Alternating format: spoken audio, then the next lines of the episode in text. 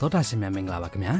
NHK World Japan ရဲ့လွယ်ကူသောဂျပန်စကားအစီအစဉ်တင်ဆက်ဖို့ချိန်ရောက်ပါပြီကျွန်တော်မင်းခမ်းပါ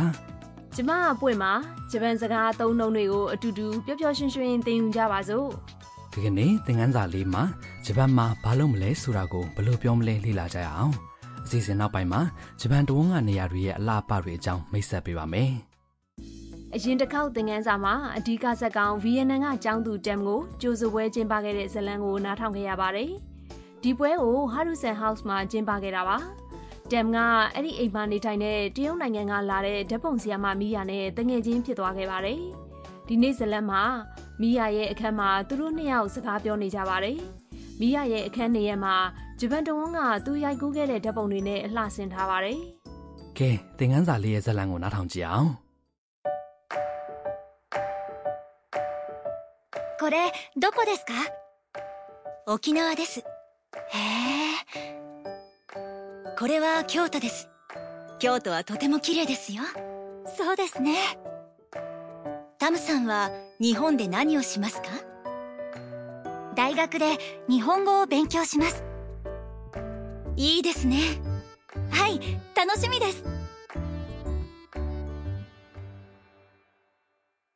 ဝါကြတစ်ကြောင်းချင်းကိုကြည့်ကြရအောင် တမ်ကဓာတ်ပုံတစ်ပုံကိုညွှန်ပြပြီးမေးလိုက်ပါတယ် これどこですか ဒါဘယ်နေရာပါလဲ ။မီးယာကပြန်ဖြေတာက 沖縄です အိုကီနာဝါပါ တမ်တရားကိုသဘောကျသွားပုံပါပဲ へえ အော် ။မီးယာကဆက်ပြောပါတယ် これは京都です ဒါကကျိုတိုပါ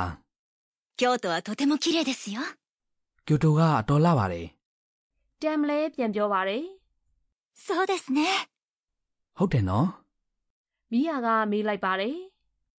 タムさんは日本で何をしますか တမ်ဆန်ဂျပန်မှာဘာလုပ်မှာပါလဲ ။တမ်ပြန်ဖြေလိုက်တာက 大学で日本語を勉強します တက္ကသိုလ်မှာဂျပန်စာကိုသင်ယူပါမယ် ဒါကိုသိလိုက်ရတော့မီးယာကပြောပါတယ် いいですね သိကောင်းပါတယ် ။တမ်ကပြောလိုက်ပါတယ် はい楽しみです ဟုတ်ကဲ့စိတ်လှုပ်ရှားနေပါတယ် ။ကြည့်ရတာမီးယာကအိုကီနာဝါနဲ့ကျောတိုရိုလိုနေရာအတော်များများမှာဓာတ်ပုံတွေရိုက်ခဲ့ပုံပဲနော် ဟုတ်ပါတယ်တမ်တယောက်ဂျပန်ကတက္ကသိုလ်မှာပညာသင်ရမှာစိတ်လှုပ်ရှားနေပုံပါပဲ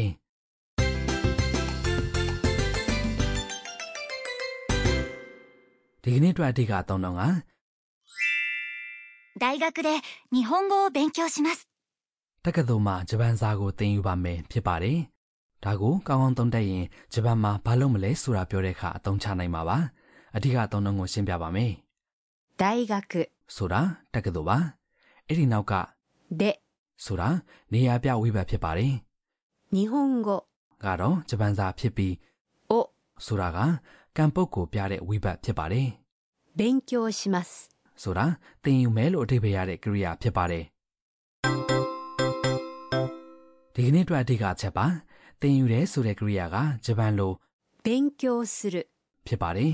ဒါကအဘိဓမ္မာဖော်ပြတဲ့ပုံစံဖြစ်လို့အဘိဓမ္မပုံစံလို့ခေါ်ပါတယ်အဓိကအသုံးလုံးမှာပါတဲ့ 勉強します ဆိုတာလို့ mas နဲ့အဆုံးသတ်တဲ့ကရိယာပုံစံကို mas ပုံစံလို့ခေါ်ပါတယ် 勉強します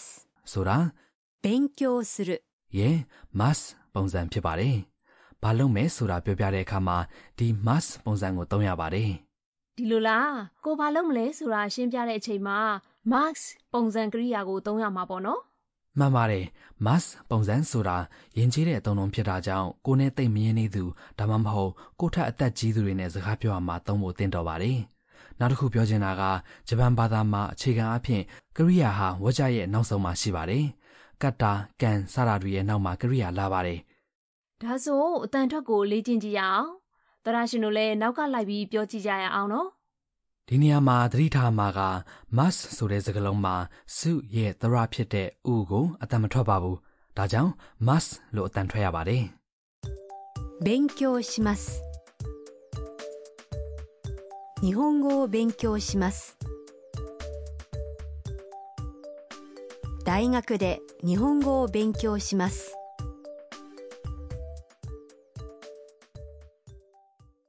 သရရှင်တို့လိုက်ပြောနိုင်ကြရဲ့လား ခုဆက်ပြီးဥပမာစကားပြောကိုနားထောင်ကြည့်ပါဂျပန်မှာဘာလို့ဖို့စီစဉ်ထားတယ်ဆိုတာကိုပြောပြနေတာပါ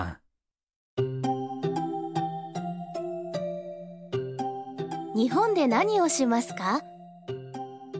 買い物をします အလေးပဲကိုကြည့်အောင် 日本で何をしますか ဂျပန်မှာဘာလုပ်မှာပါလဲ 日本で ဆိုတာကဂျပန်မှာလို့ပြောတာပါ 何 ဆိုတာကတော့ဘာဘယ်အရာဆိုတဲ့အဓိပ္ပာယ်ရတဲ့အမေစကားလုံးပါ します ဆိုတာ する လုပ်တယ်ရေ must ပုံစံဖြစ်ပါတယ် 買い物をします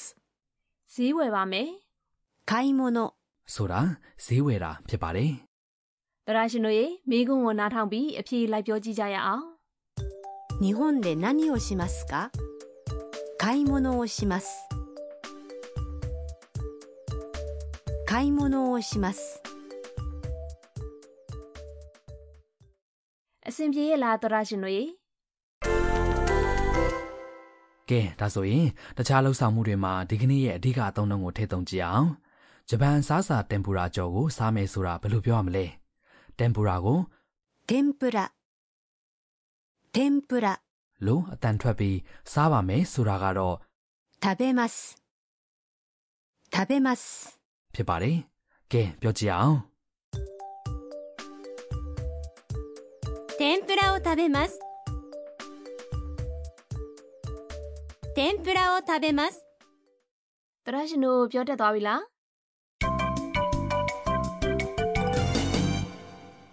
ဒီကနေ့အတွက်အပိုစုစကားကတော့ဇလန်တွေကတန်ပြောတဲ့စကားတစ်ခုပါ။မှတ်ထားပြီးလက်တွေ့သုံးကြည့်ကြပါနော် 楽しみです楽しみです ။ဆိုတာကတော့စိတ်လှုပ်ရှားနေပါတယ်လို့ပြောတာပါ။ပွဲလန်းတစ်ခုခုဒါမှမဟုတ်လှုပ်ဆောင်မှုတစ်ခုခုအတွက်ပြောတဲ့သူကစိတ်လှုပ်ရှားပျော်ရွှင်စွာစောင့်မျှော်နေတယ်ဆိုတဲ့ခံစားချက်ကိုဖော်ပြတဲ့အသုံးအနှုန်းပါ ကဲသောရရှင်တို့ရေနားထောင်ပြီးလိုက်ပြောကြည့်ပါဦး 楽しみです ပြောလို့ရတယ်နော် ။ကဲဒီကနေ့ဇလန်ကိုနောက်တစ်ချိန်နားထောင်ကြအောင်။ဂျပန်မှာဘာလို့မလဲတမ်ကပြောတာကိုတေချာအယုံစိုက်ပြီးနားထောင်ကြပါ။ これどこですか沖縄ですへえこれは京都です京都はとても綺麗ですよそうですねタムさんは日本で何をしますか大学で日本語を勉強しますいいですねはい楽しみです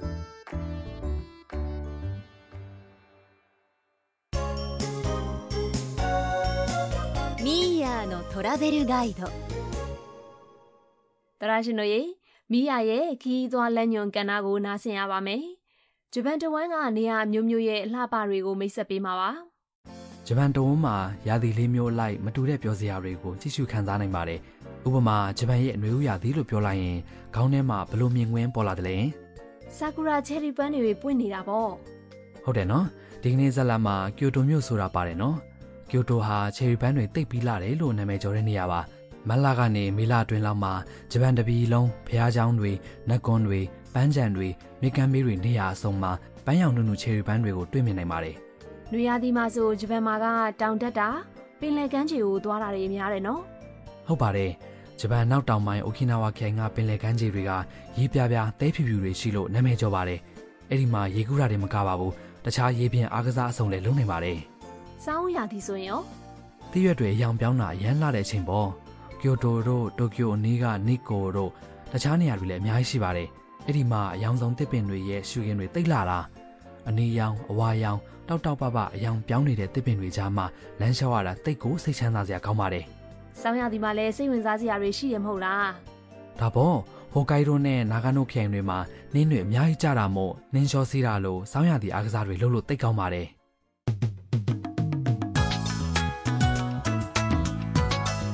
တော်တာရှင်တို့ဤဒီကနေ့လွယ်ကူသောဂျပန်စကားအစီအစဉ်ကိုနှစ်သက်ကြမယ်ထင်ပါတယ် တမ်တယောက်ဂျပန်စကားသင်ယူတာအဆင်ပြေမယ်လို့မျှော်လင့်ပါတယ်။ကဲသရရှင်တို့ရေနောက်တစ်ပတ်မှာဆုံကြမယ်နော်။